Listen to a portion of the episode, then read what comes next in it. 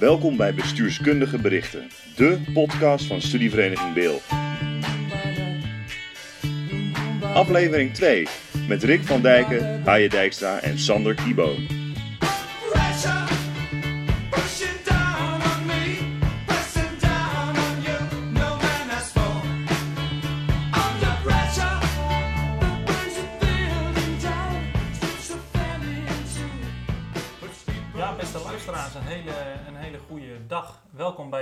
Tweede aflevering van de BB-podcast, de Bestuurskundige Berichten podcast.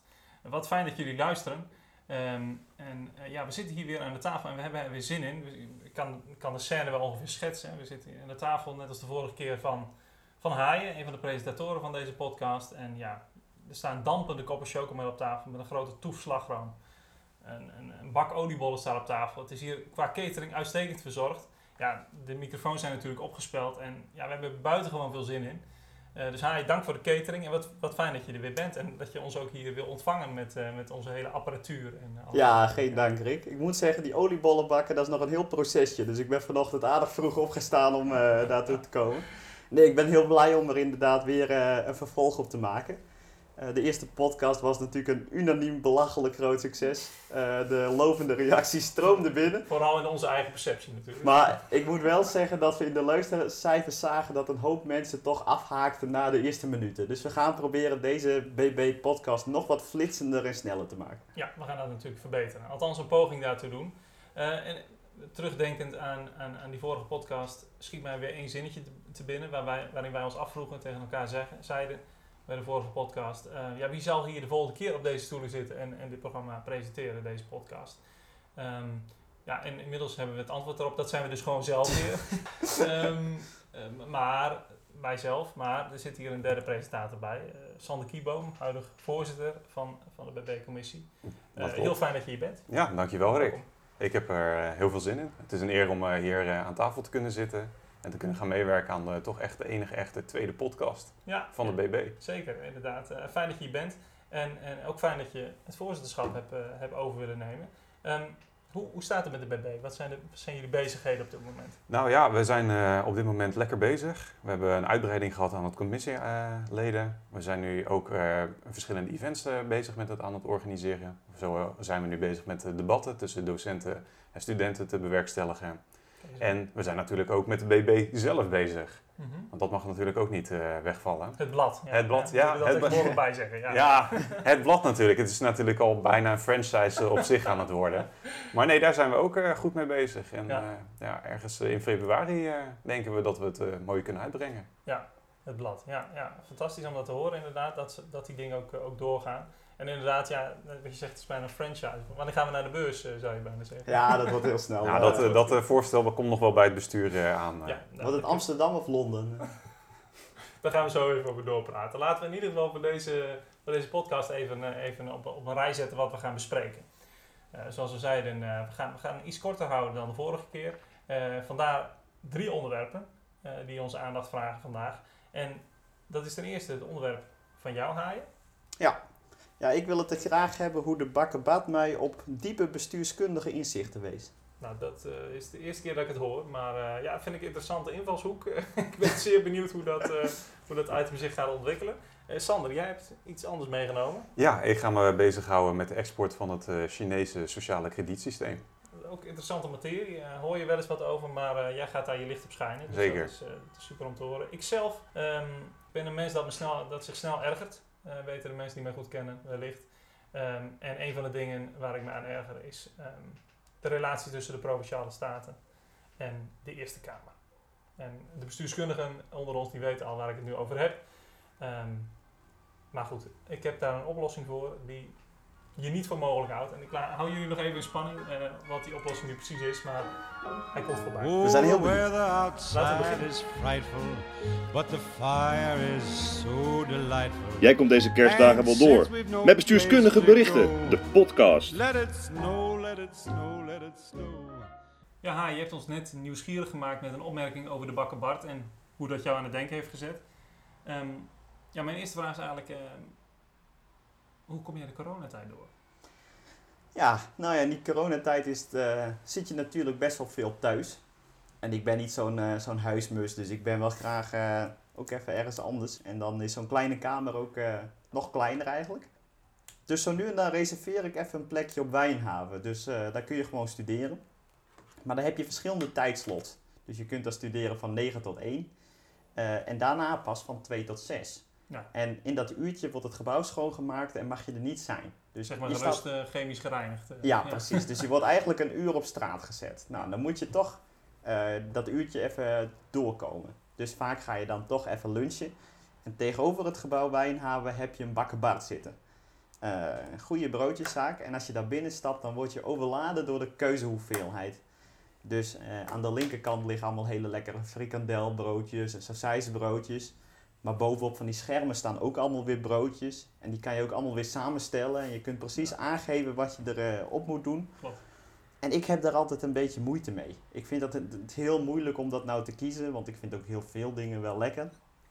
Dus ik krijg daar altijd een beetje keuzestress van.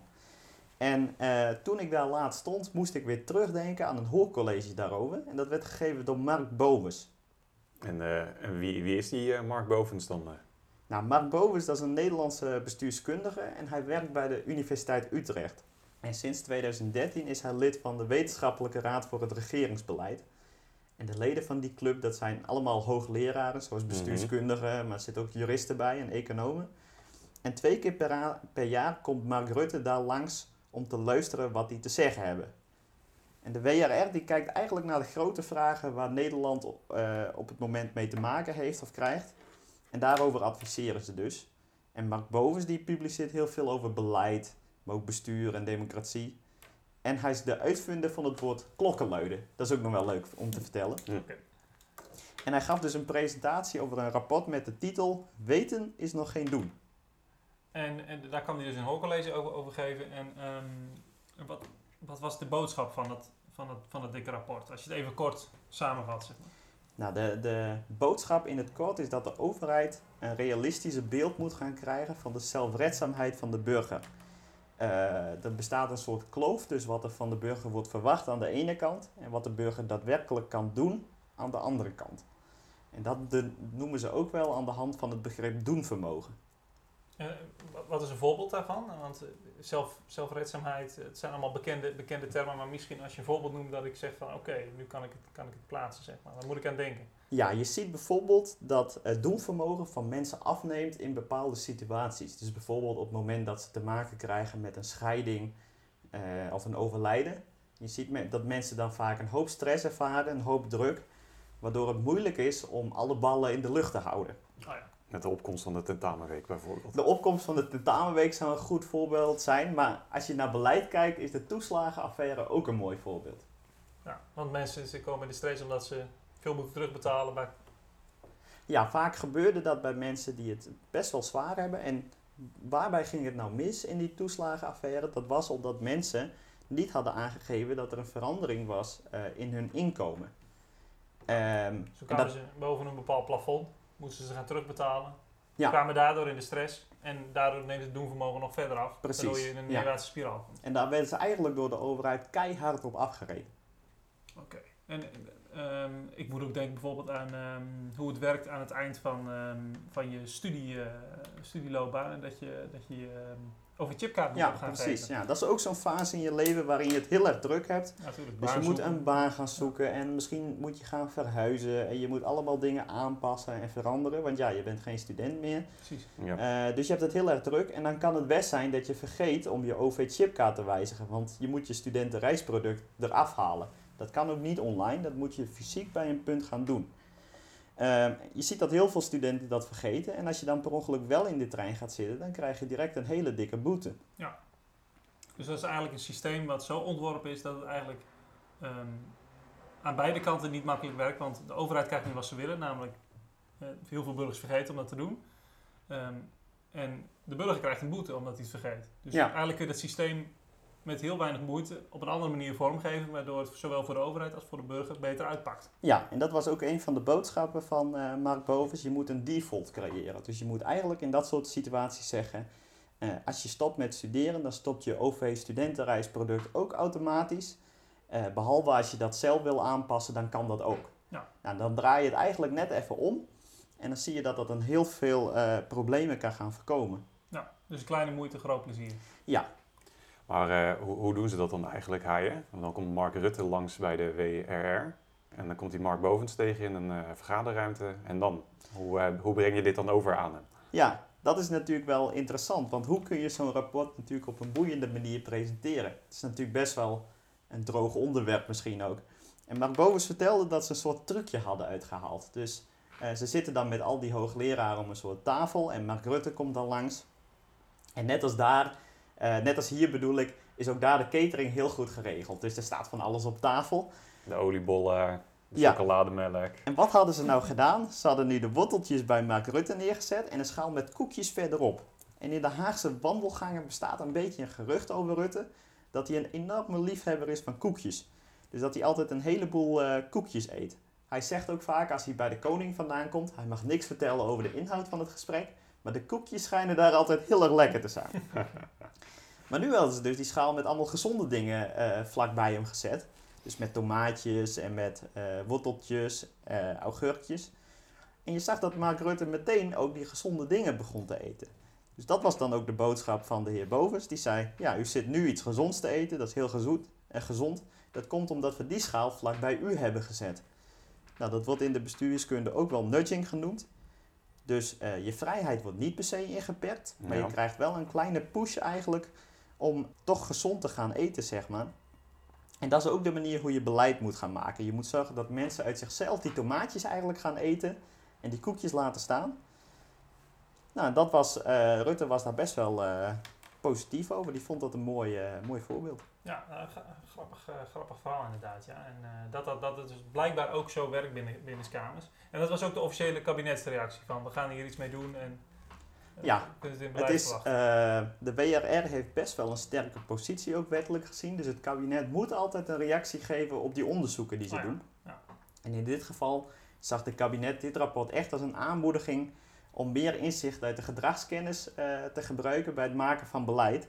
Want dat zou ook ten goede kunnen komen voor de legitimiteit van de overheid. En dat is iets waar wij als bestuurskundigen natuurlijk altijd veel eh, mee bezig zijn. Natuurlijk, ja. En, en op dat punt, eh, bij de Universiteit Utrecht is eh, nu ook een soort tak van de bestuurskunde in ontwikkeling, de gedragsbestuurskunde, waar ze daar ook specifiek op, op focussen. Dus wellicht heeft Mark Bovens daar ook een, een kleine aanzet toe Dat gegeven. zou heel goed kunnen. Dus wij hebben daar ook aandacht aan besteed in de vorige BB. Die is te vinden via de website, mochten, mochten de luisteraars daarin geïnteresseerd zijn. Maar nu de vraag, wat voor les trek jij op basis van het rapport van Bovens, weet is nog geen doen, eh, wanneer je een broodje haalt bij de bakker Bart? Wat doe je nu anders? Nou, ik probeer mezelf altijd wel een beetje te nudgen. Het zijn natuurlijk de decembermaanden en dan eh, eh, staat het lekkere eten al vaak op tafel. Ja, en met de coronakilo's nog? Ja, precies. Dus ik probeer nu iets vaker te kiezen voor het broodje gezond en iets minder voor de, de sausijzen broodjes, zeg maar.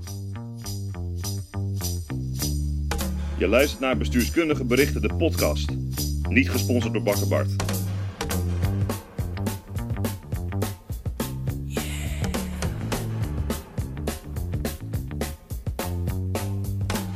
Je hebt in Nederland nog meer instellingen die rapporten en verslagen schrijven. En Sander Kieboom heeft speciaal voor deze podcast naar twee andere instellingen gekeken. Welke zijn dat? Ja, ik heb eigenlijk naar twee instellingen gekeken. En dat zijn de, de MIVD en de AIVD. Dat zijn eigenlijk de Nederlandse veiligheidsdiensten. En die eh, publiceren ook gewoon elk jaar openbaar een rapport. Hun jaarverslag eigenlijk, waar ze verschillende thema's behandelen. De kwetsbaarheden binnen Nederland of de bedreigingen juist. En een van die bedreigingen die eh, nu eh, op komt doeken, is eigenlijk altijd wel terugkerend. Dat is de economische bedreiging. Maar het grappige was dat in beide rapporten eh, maar één land eigenlijk eh, dat thema domineerde. En dat was eh, China. Ja, China begint natuurlijk een steeds grotere rol te spelen op het wereldtoneel. En een van die grote plannen die daarbij vaak terugkomt, is de nieuwe zijderoute. Kun je daar wat meer over zeggen? Ja, de nieuwe zijderoute zijn ze aan het ontwikkelen. Ook wel bekend als de Belt and Road Initiative. En die zijderoute die gaat eigenlijk eh, via China naar Zuidoost-Azië, naar Afrika, ook het Midden-Oosten en ook West-Europa. Eh, die zijn ze aan het aanleggen en ik weet dat ze bijvoorbeeld een treinlijn hebben gemaakt eh, van Nederland naar China voor rechtstreeks goederenvervoer. Maar volgens mij draait het niet alleen om de import en export van producten, als ik het goed heb. Nee, want het is natuurlijk veel fysieke infrastructuur die erbij komt kijken. Maar eigenlijk wat uit de grootste bedreigingen kwam, was juist het eh, sociale kredietsysteem wat eh, China kent. Ja, en dat sociale kredietsysteem, dat is een systeem wat sinds 2014 in opmars is in China zelf. Dat klopt. En ze hadden zelfs de deadline gezegd in eh, 2020. En die deadline hebben ze gedeeltelijk behaald. Want dat systeem eh, bestaat eigenlijk uit twee subsystemen. Je hebt het individuele systeem, waar ik denk dat de meeste luisteraars eh, bekender mee zijn. Dat is als je als individu eh, criminele acties verricht of sch- schulden hebt. eh, je niet eh, goed eh lieert aan de ideologie van de Chinese partij, dan krijg je minpunten. Of juist ook positieve punten als je juist goed handelt. Maar ze hebben ook nog een tweede systeem. En dat is het Corporate Social Credit System. Dat is eigenlijk eh, de private sector die eh, daaraan wordt gekoppeld. Ja, je hoort inderdaad veel meer over dat eerste systeem, dat als je je opa en oma niet genoeg bezoekt, dat je dan niet meer met de trein zou mogen gaan. Dan Zeker. kun je ze nog minder vaak bezoeken trouwens, dat lijkt me heel onhandig. Maar dat corporate systeem, kun je daar wat meer over vertellen? Hoe gaat dat in de praktijk? Ja, dat corporate systeem wordt eigenlijk ook wel aangekaart als de grootste bedreiging. Want het individuele systeem, dat kijkt of je huppelt op straat, krijg je minpunten. Maar ja, dat vormt natuurlijk niet echt een eh, bedreiging voor Nederland. Maar dat eh, private systeem, dat gaat juist kijken naar hoe bedrijven zelf handelen. En daar kan je ook min- of pluspunten voor krijgen, aanleiding van dat handelen. Eh, je kan bijvoorbeeld pluspunten krijgen door eh, communistische partijleden eh, in je bedrijf te zetten, binnen het bestuur of als medewerkers. Maar je kan ook minpunten krijgen. En er was laatst nog een internationaal ja, klein schandaal over. Bij luchtvaartmaatschappijen die opereren binnen China. Die hadden Taiwan gedefinieerd als een zelfstandig land. Een onafhankelijk zelfstandig land. En China is het daar natuurlijk niet mee eens. Dus die zei, jongens, jullie gaan eh, Taiwan anders klassificeren. Of jullie krijgen minpunten in het systeem. Ja, ik heb zelf een eh, tijdje in China gestudeerd en je ziet dat Taiwan heel gevoelig ligt. Dus ik heb er ooit een presentatie gegeven over visserij en een plaatje opgenomen van de Europese Commissie over de Zuid-Chinese Zee. Nou, daar wordt veel over gestreden wie daar nou de baas is. En in dat plaatje stond een zinnetje in de legenda eh, dat een gedeelte van de zee disputed was bij Taiwan. En toen de professor dat zag, heeft hij ons gevraagd om de presentatie stil te zetten. Uitgelegd dat Taiwan een provincie van China is en dat we dat kaartje het best even konden verwijderen. Dus dan zie je dat dat eh, ook op die universiteiten daar best wel eh, gevoelig ligt. Dus jij zit niet eh, goed in het eh, social credit system. Ik denk dat ik mijn eerste punten daar wel eh, verloren heb inderdaad, ja. Dat zou best wel eens goed kunnen, Haaien. Maar dat zijn individuele punten. Maar ze exporteren dus ook dat corporate system. Ja, ja. Want eh, bijvoorbeeld als je die pluspunten krijgt, wordt het veel aanlokkelijker voor bedrijven om in China te opereren. Want ze hebben eigenlijk eh, hun bureaucratie eh, bewapend. Het is net zoals binnen Nederland dat ook de bureaucratie daar langzaam verloopt. Maar ze gaan eigenlijk juist voorrang geven aan bedrijven die veel punten hebben. Dus dat je bijvoorbeeld aanbestedingsprocessen kom je eerder tot in aanmerking. Of minder red tape die je hoeft in te vullen. Maar ja, precies als je minpunten krijgt, is het natuurlijk het tegenovergestelde. Dan kom je eigenlijk nooit meer uit de papieren jungle als bedrijf. En dan moet je daar maar binnen opereren. Ja, dus je wordt als westers bedrijf in China enorm afgerekend op hoe jij met de Chinese overheid omgaat.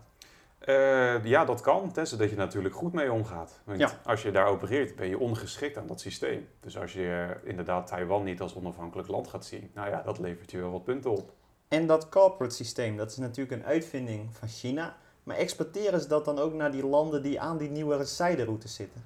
Ja, nou ja, we gaven het al eerder aan. 2020 is de deadline voor dit eh, project. En dat hebben ze behaald. Het Corporate Credit System is voltooid binnen China zelf. Maar ze gaan eigenlijk nu nieuwe projecten starten. En dan gaan ze kijken naar de export van dit systeem. Bijvoorbeeld naar Kazachstan of Mongolië of Saudi-Arabië. En je ziet dat eh, ze best wel eh, veel initiatief tonen om dit bij andere landen aan te gaan kaarten. Want die kunnen bijvoorbeeld dit systeem voor de helft van de prijs of zelfs gratis overnemen van China. Ja, en gratis, dat vinden wij Nederlanders altijd heel aantrekkelijk klinken. Maar aan de andere kant, gratis bier bestaat niet. Dus wil China er wat voor terug hebben in dat geval?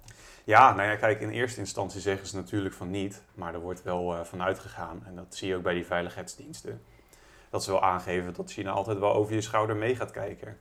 Maar ook eh, het eh, systeem zelf gaat domineren. Dat ze toch zeggen, jongens, we hebben jullie zoveel infrastructuur gegeven door middel van het systeem. Jullie moeten toch een paar regeltjes gaan toepassen. Of dat ze gewoon de data zelf die wordt verzameld binnen dat systeem voor zichzelf gebruiken, voor hun eigen doeleinden. Ja, dus China heeft er wel degelijk belang bij om dat eh, te exporteren. Dat doen ze in zekere zin natuurlijk nu ook al wel. Eh, aangezien je als eh, Europees, eh, Europees bedrijf niet zelfstandig op de Chinese markt kunt opereren. Je moet altijd een Chinees partnerbedrijf hebben wat je toegang tot die markt vers- verschaft. Ja. Dus in die zin is dat natuurlijk ook wel iets wat al jaren gaande is. Er, wordt, is eh. Er is binnen de Europese Unie zijn daar ook altijd veel klachten over, over ongelijke toegang tot elkaars markten. Dus er wordt altijd inderdaad gesteld dat eh, Chinese bedrijven veel makkelijker op de Europese markt kunnen opereren dan andersom. Hoe moeten we die band tussen China en de Europese Unie nou zien in de context van dit eh, Corporate Social Credit System? Nou ja, het wordt eigenlijk eh, steeds moeilijker voor bedrijven als je je niet wil houden aan dat systeem om te kunnen opereren binnen het buitenland. Want als je bijvoorbeeld nu opereert binnen Saudi-Arabië, dan kom je uiteindelijk via een derde partij dan toch binnen dat Chinese systeem terecht. Waar ze dus ook jouw data en bepaalde regels kunnen opleggen aan je. Ook al handel je geen eens direct met China. Eh, wat denk je nou dat die geopolitieke positie van China is? Willen die een soort nieuwe Europese Unie met bondgenoten op gaan richten? Nou ja, daar gaat het wel een beetje op lijken inderdaad, Haaien. Want je ziet dat eh, het begint vooral vanuit economisch belangen. Want je stemt eigenlijk de verschillende private sectoren op elkaar af. Nou ja, dat kennen wij ook bij, eh, binnen de oorsprong van de Europese Unie. Handelen wordt veel makkelijker. Ja, en, uiteindelijk ga je toch eh, ook dichter politiek naar elkaar toe staan. Maar ook militair dat uiteindelijk kan eh, worden doorgevoerd. Of zelfs ideologisch als ze die systemen gaan toepassen op bepaalde regels daarvoor. Tot slot, heren, hoe verwachten wij zelf te scoren binnen dat social credit system? Nou ja, ik denk dat als we deze podcast al uitbrengen, dat we sowieso al minpunten krijgen van Xi Jinping. Maar ja, eh, een paar jaar geleden heb ik eens een keer eh, voor een verjaardag eh, een cadeau gekocht. Dat was een knuffel, een Winnie de Pooh knuffel natuurlijk. En nou ja, Xi Jinping hemzelf eh, ziet zichzelf eigenlijk best wel terug in die knuffel.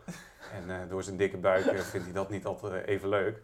Dus ik denk niet dat ik echt een hoge score krijg. Maar eh, jij Rick, krijg jij nog een hoge score? Nou ja, ik wil in die zin wel benadrukken. Kijk, ik hou me niet voor niks op de vlakte op dit onderwerp. Ehm, ja, dat ik grote bewondering heb voor Xi Jinping als leider, als mens ook. Eh, maar vooral als Chinees. Eh, echt, echt een leider. Ik denk dat we hier bij de podcast even moeten onderbreken en we gaan naar het volgende onderwerp. Waar kan ik heen? Ik kan niet naar China. Ik wil niet naar China. Dat is me te druk. Dit is Bestuurskundige Berichten, de podcast. Ook mateloos populair in China.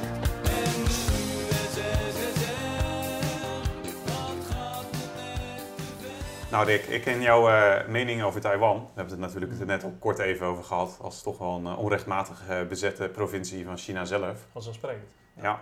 Maar ik weet ook dat jij andere meningen nog deelt over de provincies van eh, Nederland zelf. Ja, inderdaad. En eh, daar wil ik het inderdaad even over hebben. En de manier waarop zij de Eerste Kamer kiezen. Ehm, laten we het even hebben over ehm, bijvoorbeeld één kleine partij in de Eerste Kamer. Weten jullie wie de kleinste partij is in de Eerste Kamer? Ik eh, zou gokken denken of de Partij van de Dieren.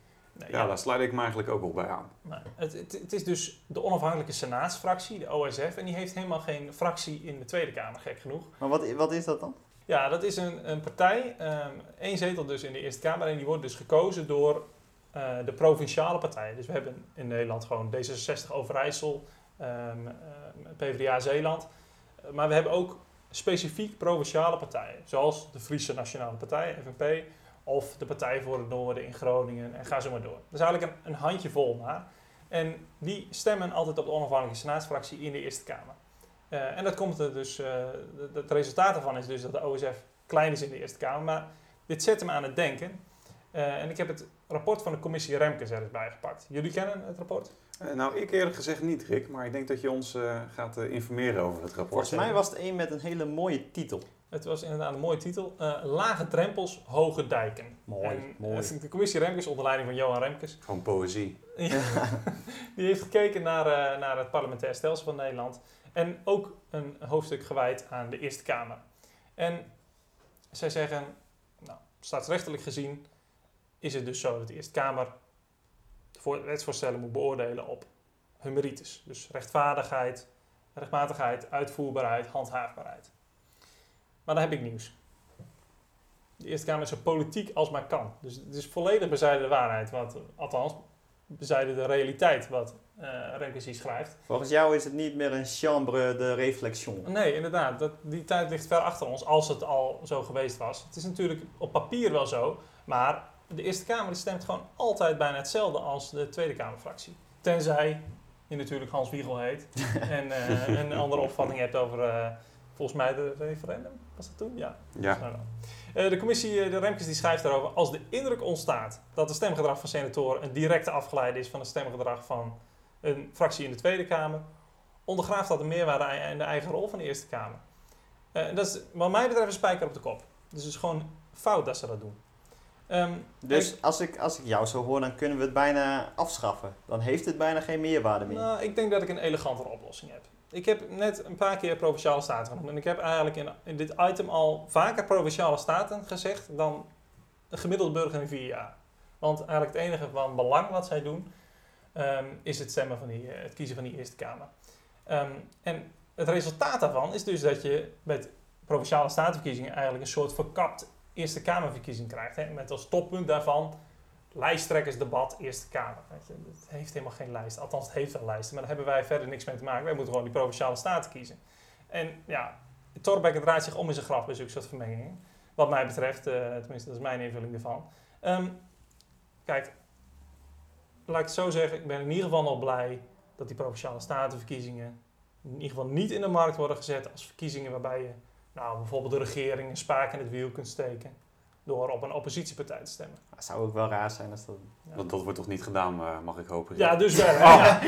ja, ja, dus hier uit onderzoek van INO Research. Dat is toch altijd weer eh, verbazingwekkend dat het zo gaat. Ja, nee, nou ja, INO Research schrijft de provinciale statenverkiezingen worden tegenwoordig vaak gepresenteerd als officieuze Eerste Kamerverkiezingen. Met de mogelijkheid een signaal van afkeuring te geven richting een coalitie. Ja, als je de media volgt, zie je het ook gebeuren. Maar wat voor, wat voor effect heeft dat dan Ja, het, politiek werkt, gezien? het werkt dus ook gewoon. Eh, de coalitie die heeft steeds minder zetels in de Senaat. En de coalities verliezen ook telkens hun meerderheid bij de Eerste Kamerverkiezingen. En dat maakt het natuurlijk veel moeilijker om gewoon de wetgeving door te voeren. Hè? En, en Remkes die constateert het probleem ook. Die zegt, hoewel de situaties aan de afgelopen kabinetten nog werkbaar zijn gebleken, is het geen garantie voor de toekomst. Zij zien daar dus gewoon een probleem op doemen. En ik ook. En ja, ik weet niet hoe het met jullie ziet. Zit, Nou, maar, als ik dit zo hoor, zeg ik wederom afschaffen. ja, maar Of, eh, of Laat- heb jij laten een we- laten we andere oplossing? eh, Ja, nou ja, ik heb een andere oplossing, denk ik. Ehm, en eh, ja, ik denk dus dat je dus die provinciale staten, die moeten de Eerste Kamer niet kiezen. Je ziet dat daar gedonder mee komt. Maar, wie dan wel? De koning. Nee, de burgemeester zou ik denken. Dichtbij, burgemeester dichtbij. Ik zou zeggen, laat het over aan de gemeenteraden van Nederland. Er zijn er 355. Ja, is dat ook niet het probleem dan? Nou, dat denk ik niet. Volgens mij kun je dat gewoon organiseren. We kunnen, eh, we, kunnen ook alle stemgerechtigde Nederlanders laten stemmen. Dus de 355 Nederlandse gemeenteraden, dat moet ook wel lukken. En laten we laten we even zo beschouwen. Wij zijn democraten hier aan deze tafel, toch? Ja. Mag, ja. mag bij het volk, toch? Ja. Ja. Ja. Binnen beperkingen, maar natuurlijk. Eh, en nou, bij dit voorstel krijgt gewoon een aanzienlijk grotere groep burgers, die krijgt het Eerste Kamerstemrecht, namelijk die gemeenteraadsleden. En er zijn simpelweg gewoon meer raadsleden dan provinciale statenleden. En bij de gemeentelijke bestuurslaag, onderzoek na onderzoek wijst dat uit, speelt die nabijheid van politici ook nog een rol. En ga maar na, iedereen kent wel een gemeenteraadslid. Er zijn er maar weinig die een provinciale statenlid kennen. Eh, en die mensen die die de gemeenteraadslid kennen, kunnen daar ook weer invloed op uitoefenen. En hebben dus indirect, zou je kunnen zeggen, hè, theoretisch gezien stemrecht voor, voor de Eerste Kamer. Ehm, en nog een probleem dat we oplossen, en daar erger ik me ook altijd dood aan bij eh, Eerste Kamerverkiezingen. Er wordt geritseld met stemmen. Hè. Je had de afgelopen verkiezingen het FVD, die de SGP aan een extra zetel hel- helpt in de Eerste Kamer. Ja, dat zijn toeren worden eruit gehaald. Er worden achter, achter gesloten deuren worden er onderhandelingen gevoerd. Denk Maar wat, wat heeft FVD daarvoor baat bij? nou ja, eh, anders wordt dat, gaat dat dus op de, op de hoop voor reststemmen. En die, dan zou de zetel waarschijnlijk aan de VVD zijn toegekomen. Dus ja, ze denken gewoon, eh, wij halen die zetel niet meer, wie kunnen we hem dan geven? Oh, de SGP. Ze bellen de SGP, eh, Eerste Kamer, fractievoorzitter op. Hey, wij zijn wel van plan op jullie te stemmen, althans de mensen in de Provinciale Staten van ons. Dat krijgen we daarvoor terug. Kijk, en dan zijn we hem kwijt. Hè? Ja. En dan hebben wij er als burgers geen, geen macht meer over. Nee, nee. Dus, dus dat moeten we Maar, maar oplossen. zeg jij nu dat FVD zich bezighoudt met schimmige achterkamertjespraktijken? Ja, maar daar zijn ze ook weer af, voor, voor afgestraft. denk Oké, ik. ja, duidelijk. Ehm, eh, en en de- zo speelde ook iets met de PVV en de Partij voor Zeeland bijvoorbeeld. En de Partij voor Zeeland heeft dan de PVV aan een extra zetel geholpen in de vorige samenstelling van de Eerste Kamer. Hoe dan ook, dat zie ik ook aan jullie, de weerzin die spr- die springt jullie uit de ogen. Dat gaan we gewoon, daar moeten we gewoon mee stoppen. En het is gewoon in één keer opgelost als je het de- door de gemeenteraadsleden laat stemmen. Want er zijn er gewoon veel meer, dus dan heeft die koehandel geen zin meer. Eh, en is, is dat opgelost. En, ehm, Ik, ik, ja, ik heb nog een bezwaartje volgens mij. nou, Want in die gemeenteraden zie je dat er heel weinig nationale partijen zijn. Heel veel mensen in gemeenteraden hebben een lokale partij. Bijvoorbeeld, eh, nou ja, eh, Leefbaar Rotterdam heb je Ja. natuurlijk. Je hebt Hart voor Den Haag hier in Den Haag. Mhm. Eh, moeten die dan met z'n allen een soort Eerste Kamerpartij gaan vormen? Nou ja, die partij, ik begon ermee, de OSF, die is er dus al. Volgens mij kun je die gewoon zo laten. En laat dan de lokale partijen, nou laten we er in een gedachte-experiment even uitgaan dat al die lokale partijen op de OSF stemmen. Heb je in één klap een partij met 19 zetels in de Eerste Kamer. Ze hebben gewoon meteen kingmaker. Dan zie ik jullie enigszins bez- be- bezwaard kijken van moeten we dat wel willen. Dat moeten we juist wel willen, want je hebt dus eh, dan een partij in de Eerste Kamer die, ehm, waarmee zaken te doen is. Hè? Die niet als een coalitiepartij het hele eh, wetgevingsproces gijzelt. Eh, en je bent af van die pro- proteststem bij verkiezingen. Hier kan het kabinet zaken mee doen. Op inhoud, zoals de Eerste Kamer bedoeld is. En dan kan het wetgevingsproces kan gewoon doorgaan zonder dat het gegijzeld wordt door partijen uit de, eerste, uit de Tweede Kamer. Zodat de Eerste Kamer... Ben je niet bang dat die OSF ook wat in eh, return wil? Ja, In- natuurlijk. Nee, maar zo werkt het natuurlijk in de politiek. Hè. Er mag wel iets tegenover staan. Maar het systeem zoals we het nu hebben is gewoon, is gewoon ongezond. En laat me daar nog één argument aan toevoegen. De opkomst bij verkiezingen, denk daar eens aan. Provinciale statenverkiezingen op geen hond voor opdagen. Ja, toevallig ook omdat het gecombineerd wordt met de Eerste Kamer misschien nog. Maar het blijft altijd onder de grens van de 50%. Sinds de jaren 90 al. En de gemeenteraadsverkiezingen, ja, die staan veel hoger.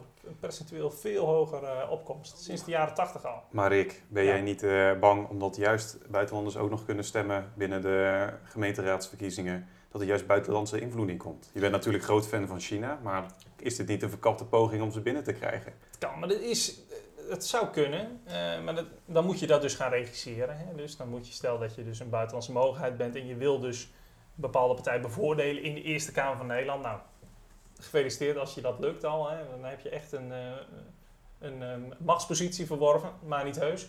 Ehm, dan moet je dus alle, al jouw burgers in de verschillende Nederlandse gemeenten op die partij laten stemmen. Nou, dat slaat geen deuk in een pakje boter. Het is in die zin een principeargument. Hè. Natuurlijk kunnen ze stemmen bij de gemeenteraadsverkiezingen, buitenlanders.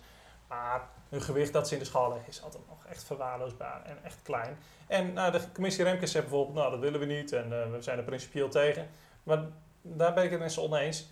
Eh, ze zeggen dus, de mening van de grondwetgever is dat het niet kan. Maar de grondwetgever is gewoon een stoer woord voor de Eerste en de Tweede Kamer. Die kunnen opnieuw kijken naar zo'n voorstel en gewoon de voordelen die ik zojuist opnoem ook zien. Ik wil niet cynisch zijn, maar hier gaat toch nooit wat aan veranderen? Nou, ik vind dat je er inderdaad net iets te cynisch eh, in staat. We hebben binnen eh, de krochten van de Eerste en de Tweede Kamer veel trouwe luisteraars. Ehm, dus ik ga ervan uit dat een van die luisteraars van de verschillende partijen overgaat tot actie en dit in een wetsvoorstel verwerkt. Zo niet. Eh, dan vind ik dat eh, het aan ons is om na Mhm. het op, heroprichten van het blad, het introduceren van deze podcast, dat een logisch gevolg daarvan is. Eh, het oprichten van een politieke partij. En dan kijk ik jou even aan, Sander. Ik neem aan dat dat... Ja, Rick, eh, de eerste stappen worden daar al eh, toe aangezet. Ja, tuurlijk. Eh, de commissaris moeten we nog wel hierover informeren. maar ehm, de leemte zeg maar, die nu binnen de verkiezingen zijn ontstaan door bepaalde partijen die eh, geïmplodeerd zijn, die Ja. gaan wij opvullen met de BB. Het politieke krachtenveld, eh, dat zal nog van ons horen, inderdaad. Ja. Zeker, zeker. 2020 gaat een eh, spannend jaar worden voor de BB. Dit was de BB-podcast met Rick van Dijken, Haaien Dijkstra en Sander Kibo. Een productie van Studievereniging Bil. Voice-over Mark Herman. En vergeet niet, stem 19 maart op bestuurskundige berichten, lijst 22. Nou, ik wens in ieder geval de BB-podcast luisteraars een heel mooi en voorspoedig 2021 toe. En ons luistervinkjes hopen we in dat jaar dan ook weer aan te treffen. Sander, ik weet niet of jij nog wensen hebt voor Nederland. Nou, ik eh, wens eh, Nederland wel eh, nog meer franchise BB toe. Natuurlijk ook eh, met onze aankomende politieke talenten die we gaan benutten. Dus eh, dat wordt echt een, eh, een bijzonder mooi jaar, ook voor Nederland. Zeker. En ik, ik wens natuurlijk de luisteraars van, en natuurlijk Nederland in brede zin, een, eh, een, een gezond jaar toe. Hè. Laten we dat ook niet vergeten. Het zijn gekke tijden met, eh, met een, een lockdown en eh, alle coronamaatregelen die daarmee gepaard gaan. Het zou mooi zijn als dit jaar eh, het einde markeert van de pandemie. En dat we weer als eh, BB ook ons volledig kunnen gaan richten op het organiseren van evenementen. Heren, laten we toasten. Eh, ik schenk alvast een klokbiertje in. Ik weet niet wat jullie op het menu hebben. Ik eh, doe een whiskietje, denk ik. eh. Een eh Dom Perignon voor mij. En voor dit soort toast is er maar één goed muziekje. En dat is natuurlijk de nieuwe kerstplaat van...